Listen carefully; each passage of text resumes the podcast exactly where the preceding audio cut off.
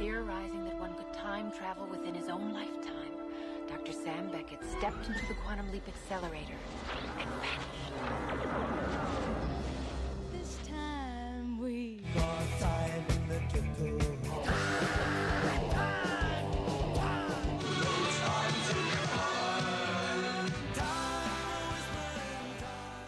Hei og velkommen til Radio Tidsmaskinen. Navnet mitt er Marius Øfsti. Med meg har jeg Knut Martin Christensen. Ja, som alltid. Som alltid. Som alltid. Uh, vi fortsetter å snakke oss gjennom eh, DJ-settet vi laga på Kulturhuset den 12. september i år. Ja. Vi får vel gjenta hvorfor uh, var reglene for denne gang. Vi uh, reiste for å se uh, Sufjan Stevens, uh, først og fremst. Ja, eller du reiste for å se Sufjan Stevens. Jeg reiste for å se Sufjan Stevens Um, da tidsmaskinen uh, er i forskjellige byer i Norge. Ehm, og så kom vi på ideen om å prøve å spille oss gjennom de 50 statene i USA. Og bakover i tid. Og bakover i tid, som alltid. Så vi har kommet til den tredje timen. Timen mellom ett og to. Eh, den beste timen egentlig å spille i Oslo på. Ja. Og da hadde vi jo tima sånn at vi kom til noen av de beste delene av eh, musikkverden, nemlig eh, den amerikanske vestkysten. Og eh, ikke minst 70-tallet. Eh, så mm, Men vi har mer enn vestkyst i denne timen her, da. Vi har eh, litt ørken. Starter i New Mexico. Og vi skal etter hvert også opp gjennom Oregon og Wyoming og Washington og North Dakota, South Dakota, Montana og Det var ikke alle de statene her som var like lett å finne musikk til, altså. Nei. Men uh, det er gode låter. Det er veldig mye fine låter. Uh, vi starta i eh, New Mexico. Krysser Rio Grande i starten av den timen her. Med en mann som har solgt 45 millioner album. Og jeg hørte på, Det er ikke så mange som er født i, det er ikke så mange artister vi hadde å velge i fra New Mexico. Og jeg hørte på veldig mye av Glenn Campbell sin 70-tallsproduksjon. Og det er mye, for han var jævla produktiv. Han var utrolig produktiv. Og jeg må innrømme at veldig mye av det er sånt som jeg kjenner at jeg nesten kunne ha likt, men som jeg egentlig syns er kjedelig. Men var han en liten douche, eller? Han var jo sånn gameshow-host og eh, sånn hobby... Hadde Hadde ikke alle sånn country-pop-crossover-folk eh, TV-program på det tidspunktet? de hadde kanskje det. Cash hadde, Carpenters hadde, Osmonds hadde eh, Ja, Glenn Campbell hadde Men den låta her, eh, 'Southern Nights' fra 1977-plata hans, 'Southern Nights' Skrevet av vår venn Ellen Tussaud. Selvfølgelig. venn, fall, din venn, Ellen Tussaud. Min venn Ellen Tussaud, beklager. Um, så jeg burde jo bare hørt på den selvfølgelig med en gang, for at her uh, Funken til Alan uh, treffer jo veldig fint inn i, i gruven til Glenn Campbell her. Uh, Jimmy Webb spiller piano på denne innspillinga. Ja. Jimmy Webb som skrev 'By the Time I Get to Phoenix' og 'Wichita Lineman', som jo var store Glenn Campbell-hits, men som også mange andre har gjort. Veldig, veldig fine låter. Utrolig fin låtskriver. Mm. Ja. ja. Videre. eh, videre Videre så reiser vi til Utah.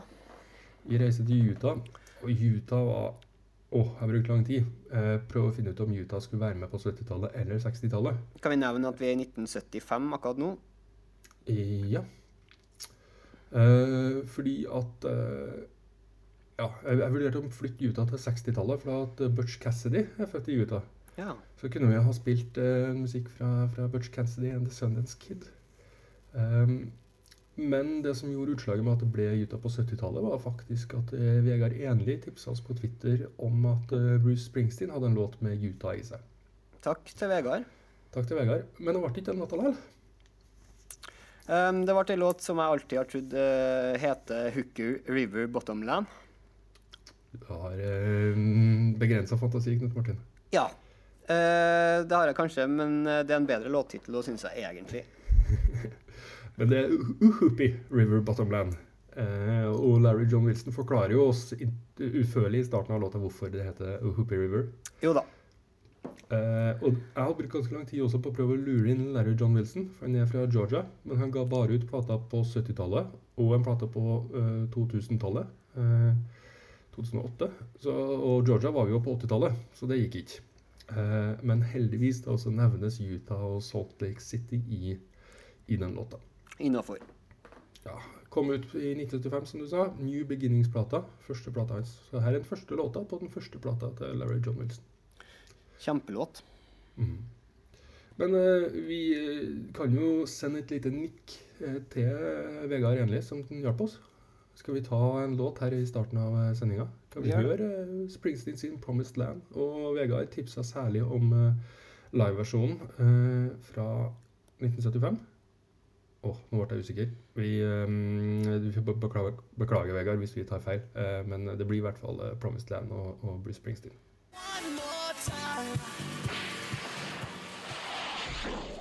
Det var eh, Bruce Springsteens og The E Street Band sin eh, The Promised Land eh, fra live 1975 til 85-boksen, må jeg vel si. Første liveplata hans.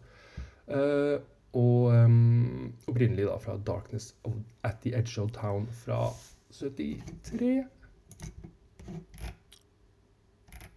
78, selvfølgelig. 1978. Herregud. Um, da kan vi samtidig Det er en fin, tidspunkt å oppfordre våre lyttere til å hjelpe oss litt. Vi, Ja. vi trenger jingler. Vi trenger jingler. Um, Og så glemte vi å nevne at hvis du ikke fikk høre låta nå, og syntes det var litt rart at vi snakka om den, så er det fordi at du hører på oss på iTunes. Eh, Der kan ikke vi ha med musikk. Eh, Men hvis du peker nettleseren din til radiotidsmaskinen.no, eller prøver å lete oss opp på Mixcloud, så får du høre Tidsmaskin med musikk. yes. Eh, Så det er jo det beste, selvfølgelig. Men eh, skjønner jo at det er ganske praktisk med de nedlastbare og abonnerbare podkastene til iTunes òg. Hører du på musikk på telefonen din eller iPaden din, så laster du den Mixcloud-låta og følger oss der, så går det kjempebra. Så går det sikkert an å få til litt sånn kompliserte greier hvis du følger hvis du har Tidal-appen eller eh, Spotify-appen din ved siden av og bytte mellom og høre, liksom sette sammen de låtene vi faktisk spiller. Samtidig som du lager en jingle til oss. Ja. La Eh, oss eh, ta en tur. Vi derimot har dratt til Nevada. Vi har dratt til Nevada. Veldig få artister fra Nevada. Eh, en av de jeg fant, var liksom Louis Prima jr., sønnen til Louis Prima, som, som spilte ganske mye i Las Vegas. Nok til å få en sønn der. Vi skal til ei skive som er produsert av Bob Ezrin, eh, en gigant. Ja, det skal vi. Eh, Som har produsert Vi, vi skal til Arizona. Ja, jeg hoppa til Nevada. Eh, Du har hoppa til Nevada, det stemmer det. Vi er i Arizona akkurat nå. vi er i Arizona. Så ja, vi reiser tilbake til Arizona. Vi er i 1973, og som sagt en Bob Ezrin-produsert skive. Ehm, Bob Ezrin har gjort Lou Reed og Pink Floyd, for å nevne noen. Ehm, det albumet her ble det første nummer én-albumet til Alice Cooper. Mhm. Nå snakker vi om eh, bandet Alice Cooper. Uh, og da er det kanskje noen som sier ja, men Alice Cooper er Detroit. Men bandet Alice Cooper ble faktisk danna i, i Arizona Phoenix, hvis jeg ikke husker helt feil. Og bandet Alice Cooper var gigant. Det var kanskje det største bandet i verden akkurat i 1973 på den skiva her, og den turneen deres den var større enn alle. Ja. Billion Dollar Babies. Eh, fra Billion Dollar Babies. Og absolutt absolutt en låt som fortjener å være størst i verden. Eh, I hvert fall eh, i et par uker. Det er litt av en låt. Nå Kan vi få lov til å dra til Nevada, da? kan vi dra til Nevada. Da kan vi dra til Nevada. Jeg har uh, I Facebook-feeden min i det siste så har det dukka opp noen bilder fra en ørken. Ja. For det var et trøndersk band som heter Sugarfoot, som var på en liten pilegrimsferd dit. En veldig fin trøndersk band som heter Sugarfoot. Hør på Sugarfoot. Um, det er mye fra den ørkenen der. Ja. Det er mange som reiser dit. ja. Uh, så mange så at vi faktisk bør gjøre en time en gang. En Nevada-time. En Nevada eller en Joshua Tree-time, faktisk.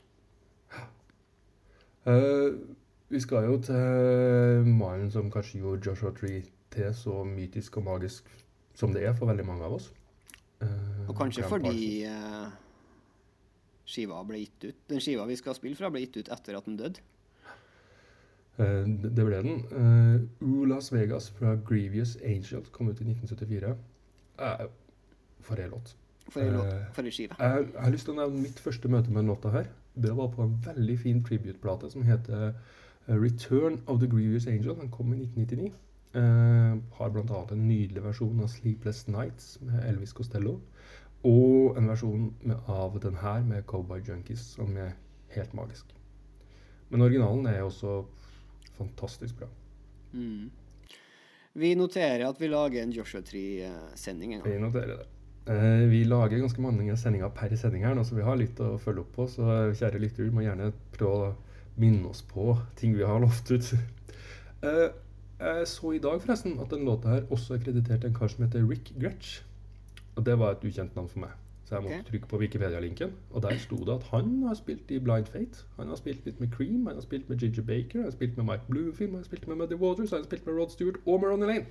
For å hey. nevne noe. Han har spilt med Bowie, tror jeg. Nei, det var en annen kar. Så han må undersøkes eh, litt nærmere. Men eh, jeg tror ikke han var noe særlig eh, sunn fyr som var noe særlig lett å ha med å gjøre, da. Nei. Får jeg inntrykk av.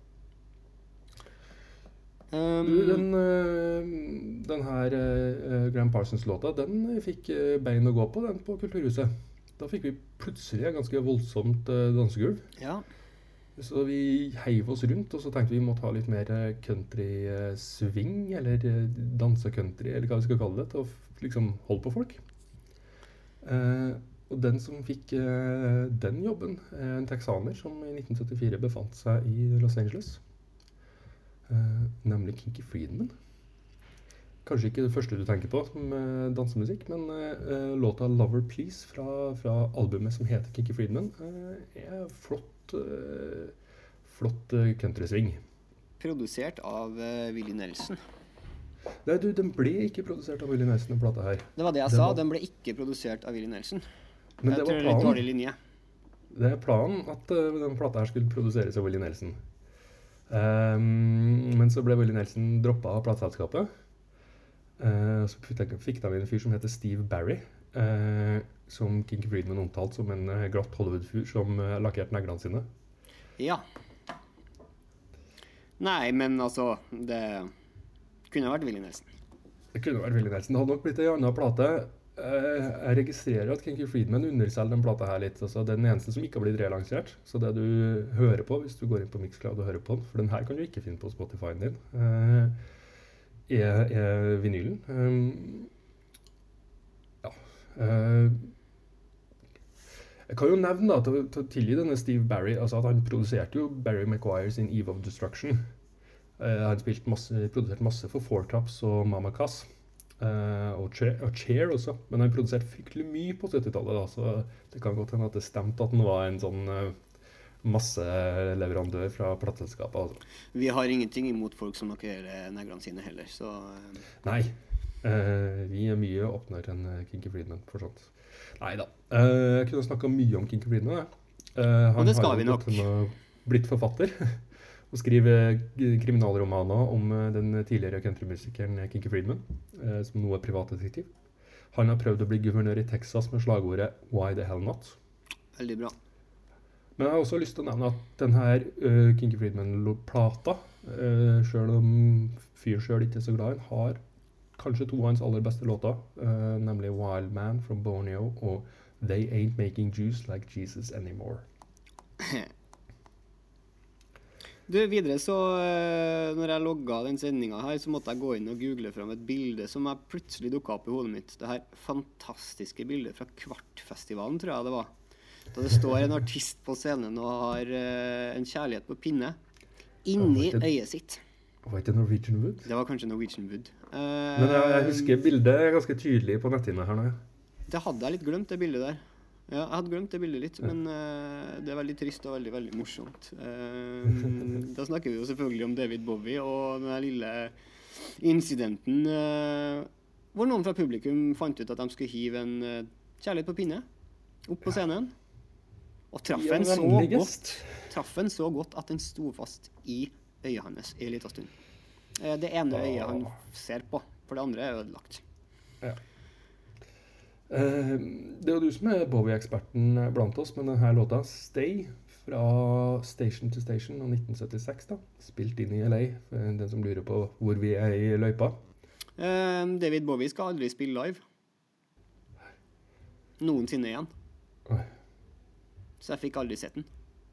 Nei. Ja, ja. Nå er det ferdig. Nå er det ferdig. Men eh, kjente du til den låta her fra før, du? For den var ny for meg. Jeg kjenner skiva veldig godt, og det er ikke den låta som står ut mest på den skiva, fordi noen andre låta der som er ja, høyere opp på listene. Um, Men den fungerte veldig fint på et eh, dansegulv, da. det fungerte veldig fint på dansegulv. Det jeg vil si om David Bowie, er den boka hans er Jeg tror Jeg skulle ønske jeg ikke leste den, for å være helt ærlig. Ja. Han ser ut Han kommer frem som en ekstremt usympatisk person i den boka. Uh, ha det i tankene når dere leser den. Litt, litt sånn som jeg har tenkt å holde meg unna den der kommende Lou Reed-boka. Ja, jeg tror ikke de to uh, nødvendigvis uh, Ja. Mm. En kar jeg har lest eh, boka om, uh, selv om han ikke kommer så innmari godt ut av den heller, er, um, Warren Saven. Nei. Eh, og, og vi fortsatte da til eh, Join Me in LA fra hans andre plate, som heter Warren Saven, som kom i 1976, men på mange måter er starten egentlig da, for den første plata var ja, en god del år før, og ikke, det ble ikke noe karriere av den da. Og nå skal jeg driste meg på en sånn Det her er produsert av Willy Nelson. Eh, men det er produsert av eh, Jackson Brown, eh, en helt magisk, magisk mann. Um, Og ikke en glatt fyr fra LA. Nei. Eh, og det folkene og bandet som Warren Seven hatt rundt seg de årene der, på den plata her, og ikke minst på Excitable Boy, som kom to år etterpå, er jo helt utrolig. Eh, altså På den låta 'Join Me in LA' så korer Lindsey Buckingham og Stevie Nicks. Eh, Don Henley er med å spille litt eh, munnspill og sånt eh, rundt omkring. Um, og så er det jo gitarist Wo- Woody Watchell som setter sitt veldig tydelige preg på, på begge de to platene. Som også spilte på Stevie Nicks sin Belladonna, som vi spilte i den forrige timen da vi var på 80-tallet. Hvorfor gikk det så dårlig i verden, Sion? Ja, du, Vi skal reise videre til Oregon. Vi skal til Oregon. Uh, Oregon er ikke sånn stappfullt av interessante artister på 70-tallet. Uh, det er jo en ting som veldig, var veldig påfallende når vi gjorde researchen til denne uh, tidsreisa vår, er jo at uh, um, det var veldig mye lettere å bli artist hvis du bodde et annet sted enn en stor by fra 90-tallet og 2000-tallet, og kanskje til og med veldig mye lettere etter 2010. Eh, Fordi 70-tallet og 60-tallet og 80-tallet også, så er det storbyer som produserer artister. Ja. Men Oregon har minst én kar på 70-tallet som er verdt å, å merke seg, og det er Tim Hardin. En mann som hadde scenefrykt. Um, Ja. Som ikke fikk ut potensialet sitt pga. det. Og selvfølgelig pga. Uh, ekstremt uh, heroinmisbruk. Um, Ja. Låtskriver, altså. Men Tim, ja, Tim Hardin skrev I, 'If I Were a Carpenter'. Og det Det er godt nok, egentlig, det på en karriere. Eh, og spilt på Woodstock, til tross for denne scenefrykten. Spilt på Woodstock med fullt band. Og um, Ja. var sikkert putta i seg noe før det. Men uh, låtskriver, ja. Utrolig uh, synd. Men det er ikke han som har skrevet 'Do The Do' fra Painted Head, fra, eh, som kom i 1972. Det er Willie Dixon, blueslingen Willie Dixon, som har skrevet. Eh, fortsatt en fantastisk eh, kul låt. Um, vi snakka litt om Humble Pie den gangen vi snakka med Stian Lundberg. Eh, og på gitar på Do The Do så finner vi Pete Frampton, som spilte i Humble Pie. Her ser du. Bare for å ha litt eh, facts. Uh, det her er også niende plata eh, Tim Harding ga ut. Da var han 31 år gammel. Eh, og han rakk å gi ut to plater til før han hadde dødd av en overdose heroin i 1980. Det skal sies at han var 17 da han starta, så han Han kunne ha blitt større. Ja. Han kunne ha blitt større. En kar som ble ganske stor. Eh, for igjen så kom det altså, eh, overraskende dansegulv. Til oss å være så var det mye dansing på Kulturhuset, så vi var litt dårlig forberedt på det. for helt ærlig. Vi eh, bruker å spille til litt mer si- publikum. Sittedansende publikum. Ja, men her var de faktisk oppe og hoppa og dansa rundt oss, så vi måtte finne på noe mer dansbart. Og hva er mer dansbart enn Kenny Rogers? Oh Lord, I wish I've never been stoned, because I, when I get high I can't leave the women alone. Det er noe med måten Kenny Rogers synger den låta her, som tenker jeg du har aldri hørt Stein. Ingen troverdighet. Nei. Jeg kan tro på at Kenny Rogers har- drukket en del, men det hippie-imaget hans i, han hadde i First Edition, det tror jeg var et hippie-image, altså. Ja, men likevel så kjenner jeg igjen med det den sier. Eh, men det er nå så. Men First Edition eh, var et fantastisk eh, fint band. Eh, som jo ble kjent for mange av eh, våre ører med, med Big Lebowski. Og I Just Dropped In To See What Condition My Condition Was In. Låt. Låt. Men det jaggu også Tulsa Turnaround. Eh, låt som ikke fikk eh, vært med i, i Oklahoma på, 70 på 60-tallet, siden vi er på 70-tallet. Men, men First Edition var et California-band, så da er vi trygt innafor. Mickey Jones på tromma, som har vært innom Dylan og en haug med andre. Um, sikkert fordi han var dyktig, kanskje ikke fordi han ble kicka ut av hvert band. Det er jeg litt usikker på, men jeg mistenker at det kan være begge deler der også. Det hender jo at det er en sammenheng. Uh, jeg har spilt den eh, låta her fra Country Funk 2-samleren til Light in the Attic, som er finfin. Eh, men den er opprinnelig gitt ut på Transitions fra 1971. Men eh, ja, vi, snak- vi har vært borti Kiki Friedman, som ikke er så nødvendigvis så glad i, i den plata vi spilte fra. Det er ikke så veldig mye First Edition-plater som er lett tilgjengelige digitalt heller. Det er de låtene som har blitt uh, hitta på andre ting. Så Jeg mistenker om at det er massevis av bra First Edition-musikk der som jeg ikke har hørt ennå. Som du etter hvert kan høre på uh, Mixcloud-sida vår. Ja, vi får spole det opp. Gå på eBay, kjøp plata. Um, du, vi skal reise videre. Ja. Og nå uh, er jeg utafor komfortsonen min. skulle jeg si. Ikke komfortsonen min, men uh, jeg kjenner ikke den artisten her sånn kjempegodt. Du, nei, det er ikke så rart. Dennis the Fox uh, han ga ut en eneste plate, 'Mother Trucker', i 1975. Og vi er nå i Washington. Vi er i Washington. Han var fra Seattle. Igjen, da 1970 så var ikke Seattle en spesielt kul musikkby. Heart er fra Seattle.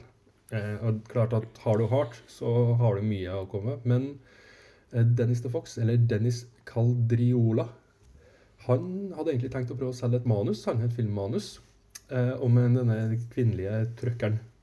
Eh, så tenkte han at det skulle være en, en slags eh, musicalfilm, eller i hvert fall det skulle være mye musikk i filmen. Så han spilte inn ei plate for å bruke som Å ha med seg til studioene for å selge inn. Og ifølge notatene i Cutterfunk 1-samleren, som vi har spilt den her fra eh, Igjen, pass på å gi kreden til Light in the Attic. Så spilte han inn alle låtene i forskjellige stiler, sånn at det skulle liksom være lett for plateselskapet å kaste seg på. Men det er fortsatt den eneste låta jeg har hørt, uh, er den her Pile Driver, da. Uh, Dennis the Fox. Men hvis resten av låtene er halvparten så bra, så er det definitivt noe å få med seg. Um, nå skal vi til en artist jeg er kjempeglad i, selv om jeg ikke har hørt så veldig mye på han. Uh, jeg tenker at Hvis han hadde fått lånt tidsmaskinen vår og reist til 2015 Vi er nå i 1970. Så hadde han kunnet gått rett inn på Mono eller hvor det skulle være og spilt en konsert, og ingen hadde tenkt over noe som helst. Han hadde sett ut som vi ser ut i dag. Uh, og så hadde han begynt å spille, og så hadde alle sammen trodd Hva? Hæ? Hva skjer nå? Det her? Her er det noe rart. Eh, hvis Finn Bjelke hadde vært der, så hadde han kjent eh, avslørt skammen vår, tror jeg. Uh, for det her er sånn Finn Bjelke-stoff, tror jeg. Uh, Mark Lindsay. Han var frontmann eh, i Paul Revere and The Raiders. Og ja, mye av låtene deres syns i hvert fall jeg da, Jeg er jo litt sånn en traust amerikansk versjon av Beatles. Eh, Ja. men Silver Bird fra Silver Bird, den eh, må jeg innrømme at jeg er svak for. Altså. Det er en mektig låt. Mektig låt. Um, men igjen, det er en mann som jeg bare henger meg opp i hvordan han uh, Han, han ser ut som han kunne ha vært fra 1940 og 1970 og 2015 samtidig. Så han skal vi hente. Han skal vi hente. Uh, ja, vokste opp i Idaho, så det her er Idaho-låta vår. Uh, og det var ikke mye annet å velge i Idaho, altså. Det må jo bare Vi vurderte å spille Private Idaho, altså B-52s-låta. Eh, men den har et ganske annerledes lydbilde enn det vi har omgitt oss med nå, så det ville ha blitt litt eh, krasj. Det her er ei mektig låt å spille på en uh, PA på en uteplass. Det, det fungerer veldig godt. Neste er Montana. Mm. Og her har vi kanskje den tynneste koblinga sånn rent til, til Montana. Eh, tøff låt, men kanskje en litt tynn kobling. Eh, låta er Train Train. Eh, bandet er Blackfoot. Og det er bandet Blackfoot som er koblinga her, da. For i Montana så befinner seg nå eh, eh, reservatet, for det kalles fortsatt reservat, eh, til eh, Blackfoot-indianerne. Eh, og Ricky Medlock, som fronter Blackfoot, han er Blackfoot. Men han er vokst opp i Florida. Men så har bestefaren hans, Shorty Blackfoot, nei, Shorty Medlock, eh, også vært med og skrevet den låta her. Og han er jo også Blackfoot. altså Kanskje han har vært i Montana en gang. Jeg vet ikke. Ikke sterkeste koblinga for kvelden, men, eh, men en viss logikk er det i hvert fall. Kan det stemme at uh, bestefaren til den mannen her uh, At han mannen her er bestefaren til mannen fra Lynyrd Skynyrd? Ja, Ricky Medlock er mannen fra Leonard Skudder. Han spilte i Skudder på eh, tidlig 70-tall. Uh, spilte trommer, sang litt eh, i, eh, på, på den Muscle Shoals-innspillinga fra 71-72, som kom ut da når opptil flere av bandet døde i flyulykke. Eh, og Ricky Medlock har spilt i Leonard Skynyrd etter det. Du, Der har du dokumentar, forresten. Jeg lurer på om den ligger på denne Netflix-kanalen. altså. Ja, Muscle Shoals-dokumentaren. ja den ligger på, på oi, oi, oi, oi. Den bør ses. Mm. Vi skal snart til Muscle Shows igjen, for øvrig, eh, med, med Candy Staten, eh, vår, som blir den siste sendinga vår i år, etter planen. Så i slutten av november, da, hvis vi klarer å holde planen. Tidlig desember, slutten av november. Eh, uansett om koblinga til Montana kanskje er litt tynn, så er, så er Blackfoot et, nydelig southern rock-band som jeg skal høre mer på. Eh, Train Train er fra 1979-plata Strikes. Vi skal til North Dakota. Eh, og vi skal igjen eh, til en kar som eh, Light in the har uh, leita fram for meg gjennom at han er med på Country Funk 2-plata. Eh, Thomas Jefferson Kay. Låta 'Collection Box'. Mm. Nok en sånn superprodusent som fikk lov til å gi ut et par plater sjøl. Produsert Link Ray, som vi er veldig glad i. Ja, eh, og produsert også eh, Gene Clarks sin 'No Other', som vi spiller også i denne sendinga, rett etter eh, Collection Box. Som jo hadde vært mer enn nok grunn til å ha med eh, alene. Eh, fuff, for ei plate. Eh, men, eh, men Thomas Jefferson Kay han har også produsert Loudon Wainwright III. Eh, og på den plata her, som, plata som Collection Box er fra, eh, Thomas Jefferson, som heter Thomas Jefferson Kay, så spiller også Walter Beckett litt bass, og Donald Fagan korer litt. Men, men ikke akkurat den låta vi plukka ut, da. Da er det en fin Segway over til Gene Clark. Ja. Og da er vi i hvilken stat? Nei, altså Vi kan jo si at vi er tilbake i California, men vi kan jo si at vi er i North Dakota fortsatt, siden den da er Thomas, som har, Thomas Jefferson Kay som har produsert den her også. Ikke sant? Uh, jeg tenkte at jeg skulle prøve framover å si en faktaopplysning om David Geffen hver gang eh, han er borti når vi spiller. Og så skal jeg se hvor lenge jeg klarer det, for det går tomt. For han er borti ganske mye. Ja. Eh, Gene Clark eh, fra Birds da ga ut eh, Han ble jo tross alt sparka ut egentlig av det her bandet, selv om han var, på starten var låtskriveren og sjefen. Så var det et plateselskap som ville ha noen andre som sjefer i The Birds. Så eh, det ble en solokarriere, og eh, David Geffen eh, slengte seg på det her. Asylum Records ga ut uh, skiva. Faktaopplysning nummer én om David Geffen er da som følger. I 2006 så solgte David Geffen tre maleri. En The Cooning, en Jasper Jones og en Jackson Pollock. For 280 millioner dollar til sammen. Yes. Ja. Jeg har ikke så mye å tilføye, det. Nei, det, det kommer mer David Geffen. Det kommer mer David Geffen faktisk. Uh, Warren Seven har også gitt ut på Asylum Records, og jeg er i hvert fall så glad i Warren Seven at det kommer til å dukke opp veldig ofte, så det blir nok en del anledninger til å, å komme med David Geffen facts. Han kommer ikke godt ut av det til slutt, det kan jeg avsløre. David Geffen, altså. South Dakota South Dakota. Vi er det ganske øde del av landet. Det er ikke nødvendigvis så innmari mange artister fra, eller så mange innmari låter om South Dakota. Eh, men eh, så vi skal tilbake til Kinky Friedman igjen, eller grunnen til at jeg hadde med Kinky Friedman-plata denne kvelden, eh, Ja. nemlig Rapid City, South Dakota. Um, det her er verden, ifølge låtskriveren sjøl, verdens første pro-choice countrylåt. Hei sann. Og det er også interessant at denne doktoren i Chicago som nevnes i teksten, det er Kinky Friedmans egen far. Eh, så i og for seg flaks at denne, denne guttungen som, eh, som står i Rapid City og skal haike eh, Vi skal jo til Chicago. Tidsmaskinen. denne reisa gjennom tid og land starter i Chicago og slutter i Chicago. Ja. Så det er bra for han, egentlig. Nå tok jeg jo mye Kinky Friedman i stad, eh, men vi kan jo nevne at her er jo egentlig også da en Kinky Friedman and The Texas Jewboys-plate.